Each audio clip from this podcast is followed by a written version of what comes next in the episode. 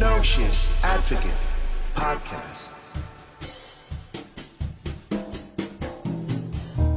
Halo kembali lagi ke Noxious Advocate Jadi gue pin bahas tentang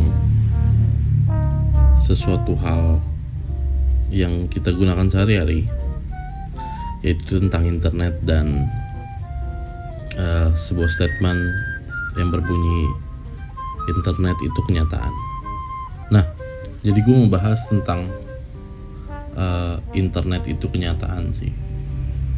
Oh itu kan salah satu statement yang keluar waktu zaman zamannya uh, gengnya Arab ya kalau salah. Gengnya kawan-kawan mereka lah. Gue lupa gue nggak terlalu merhatiin juga sih Young Lex gitu-gitu. Tentang internet itu kenyataan dibilang bahwa ternyata ketika pandemi sekarang betul internet jadi salah satu tolak ukur kenyataan yang paling jelas. Kita lihat uh, berapa banyak usaha atau gaya hidup yang berubah semenjak pandemi ini. Salah satunya adalah karena internet. Menariknya, ternyata sama kayak hal lain, internet pastinya ngebawa pedang bermata dua. Jadi ketika yang gue bilang tadi adalah salah satu sisi positifnya tentunya. Ternyata sisi negatifnya hmm, bisa dibilang cukup untuk menghancurkan seorang manusia lah.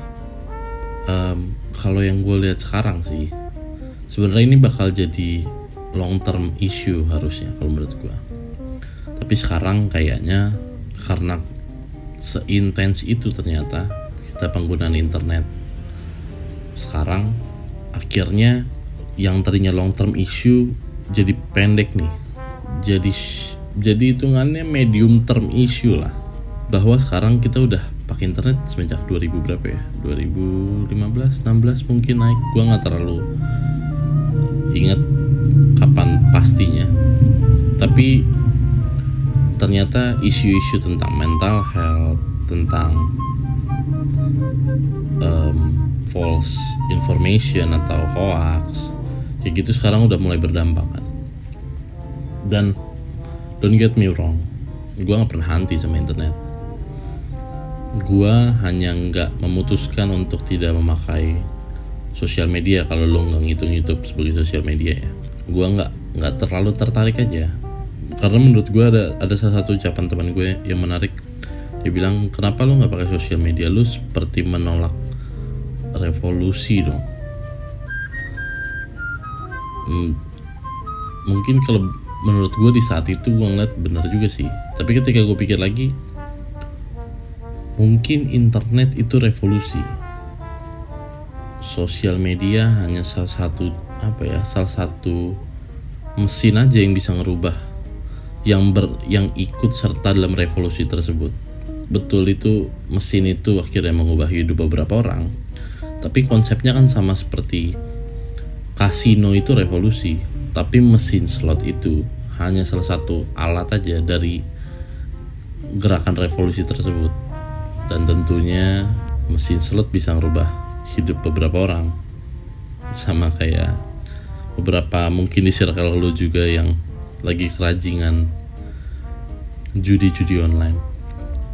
Anyway kembali ke internet um, gue ngerasa kalau misalnya internet itu sebenarnya uh, kayak semacam mall gitu. Jadi sebenarnya it's a good thing to go there but you don't have to spend your time like every fucking second in there. Untuk refreshing bagus untuk ya jalan-jalan santai ngabisin waktu itu bagus. Tapi isunya adalah ketika lu ngabisin waktu lu terus-terusan di sana ditarik ke isu tentang satu yang gue perhatiin sekarang. Sebenarnya ini udah mulai rame sih udah mulai bukan udah mulai rame udah mulai rame di Indonesia tapi udah sebenarnya ini isu yang sudah sering dilakukan oleh orang luar yaitu sos cancel culture. Cancel culture itu seakan-akan sebagai pembuktian bahwa di internet itu terkadang yang benar belum tentu benar. Biasanya yang banyak yang merasa benar. Makanya akhirnya lu melakukan cancel culture ke si A, ke si B, ke si C, ke dan kawan-kawannya. Kenapa gue bahas seperti ini? Karena gue baru ngeliat update-nya kasusnya Gofar. Mungkin sedikit terlambat betul, tapi gue baru ngeliat update update-nya kasusnya Gofar dan ternyata kalau pembuktiannya seperti yang ada tertera di sana, ternyata Gofar nggak bersalah. Terlepas dari konspirasi apakah Gofar sogok kah atau apa atau bla bla bla bla bla kanan kiri kanan kiri. Tapi ternyata papernya hasilnya adalah Gofar nggak bersalah. Tapi lu harus tahu ketika proses cancel culture itu terjadi, artinya ada satu hidup manusia yang hancur karena beberapa orang random aja di internet. Tapi kan kita peduli sama korban, kita we stand with korban, kita ngebela korban betul. Tapi kan yang lo lakukan kan bukan berdiri sama korban, tapi lo menghinjak pelakunya, gitu. Kayak lo mukulin, lo gebukin pelakunya gitu kalau lu berdiri bersama karena hashtagnya adalah berdiri bersama korban. Bahwa harusnya ketika lu berdiri bersama korban lu harusnya ngelaporin. Lu harusnya ngebantuin dia. Bukan main hakim sendiri. Tapi ternyata yang lu coba lakukan adalah menghancurkan hidupnya pelaku gitu. Gue nggak bilang pelaku terduga. Dan ya gue nggak tahu sih. Kalau di Indonesia memang kita punya budaya gotong royong tapi gue nggak nyangka aja bakal digunakan untuk hal seperti ini. Karena gue selalu melihat bukan sih karena gue selalu mencoba untuk berpikir sebelum bereaksi. Betul mungkin beberapa orang nganggap ah lama keburu ini keburu itu. Betul. Tapi kan ternyata dampaknya jadi berpanjangan gitu ya bayangin lah kalau lu adalah yang berhubungan dari Gofar gitu. Akhirnya kan mau nggak mau hanya karena abang lu diduga atau misalnya lu orang tuanya Gofar gitu hanya karena anak lu diduga akhirnya hidup seluruh keluarga besarnya habis. Gara-gara ya lu pada lu yang merasa paling benar karena budaya-budaya banyak itu benar akhirnya nantinya akan memakan diri lu juga gitu. Akhirnya sekarang kita ngerasa tapi itu memang harga de demokrasi sih. Bahwa yang paling banyak adalah yang paling benar. Walaupun kita harus tahu kita nggak bisa samakan pengetahuan si A sama si B gitu. Pengetahuan S1 yang lulusan sini sama yang lulusan mana gitu pengetahuan SMA sama SMP bahwa setiap orang punya pengetahuan yang beda-beda juga. Dan mungkin yang gue juga mau bahas selain um, apa ya social culture ini salah satunya adalah karena sekarang karena ada internet orang cenderung komplain tanpa melakukan sesuatu gitu. Maksud gue kalau lu zaman zaman pejuang dulu sana ibarat kata contohnya lah kasusnya yang sampai belum sampai sekarang belum selesai. Ham gitu Munir. Munir ngeliat sesuatu hal yang salah di Indonesia lalu Munir datang untuk memperjuangkan hal yang salah di Indonesia. Bayangin gak kalau misalnya Munir zamannya Munir udah ada sosial media.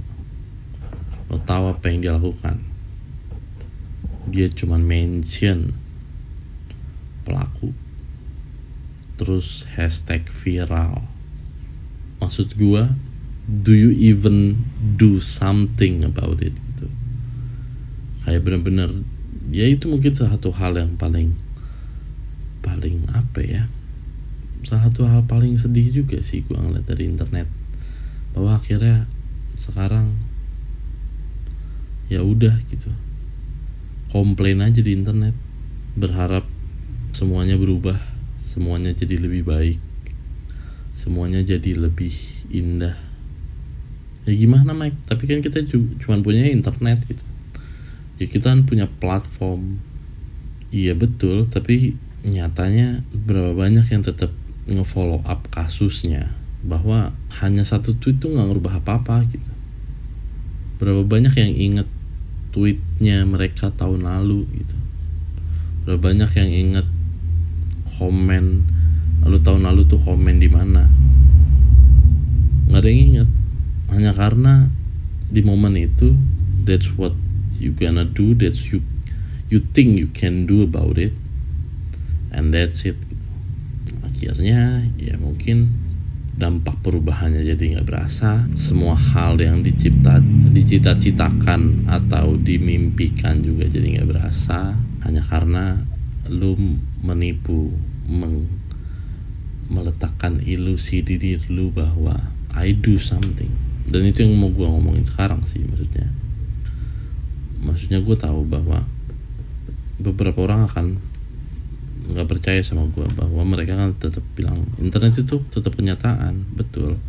Tapi ternyata perubahan dibawa masing-masing orang ke dunia nyata gitu. Bahwa lu bisa lu bersembunyi di internet dan berkata semua akan baik-baik saja aja semua akan indah gitu. Semua semua orang harus hidup indah gitu di di internet. Seperti yang lu percaya bahwa internet itu kenyataan. Padahal in the end of the day internet cuma jadi shit place to hide aja. To feel like you one of them you belong to something gitu. gue nggak tahu nantinya mungkin metaverse akan ngerubah. Literally lu nggak akan punya kehidupan lagi di dunia nyata. Tapi in the end of the day keluarlah go outside. Mungkin silent HP lu sama pas lagi sama temen-temen lu. Ngobrol komunikasi sama orang tua lu. Bahwa ternyata internet overrated. No Shit Advocate Podcast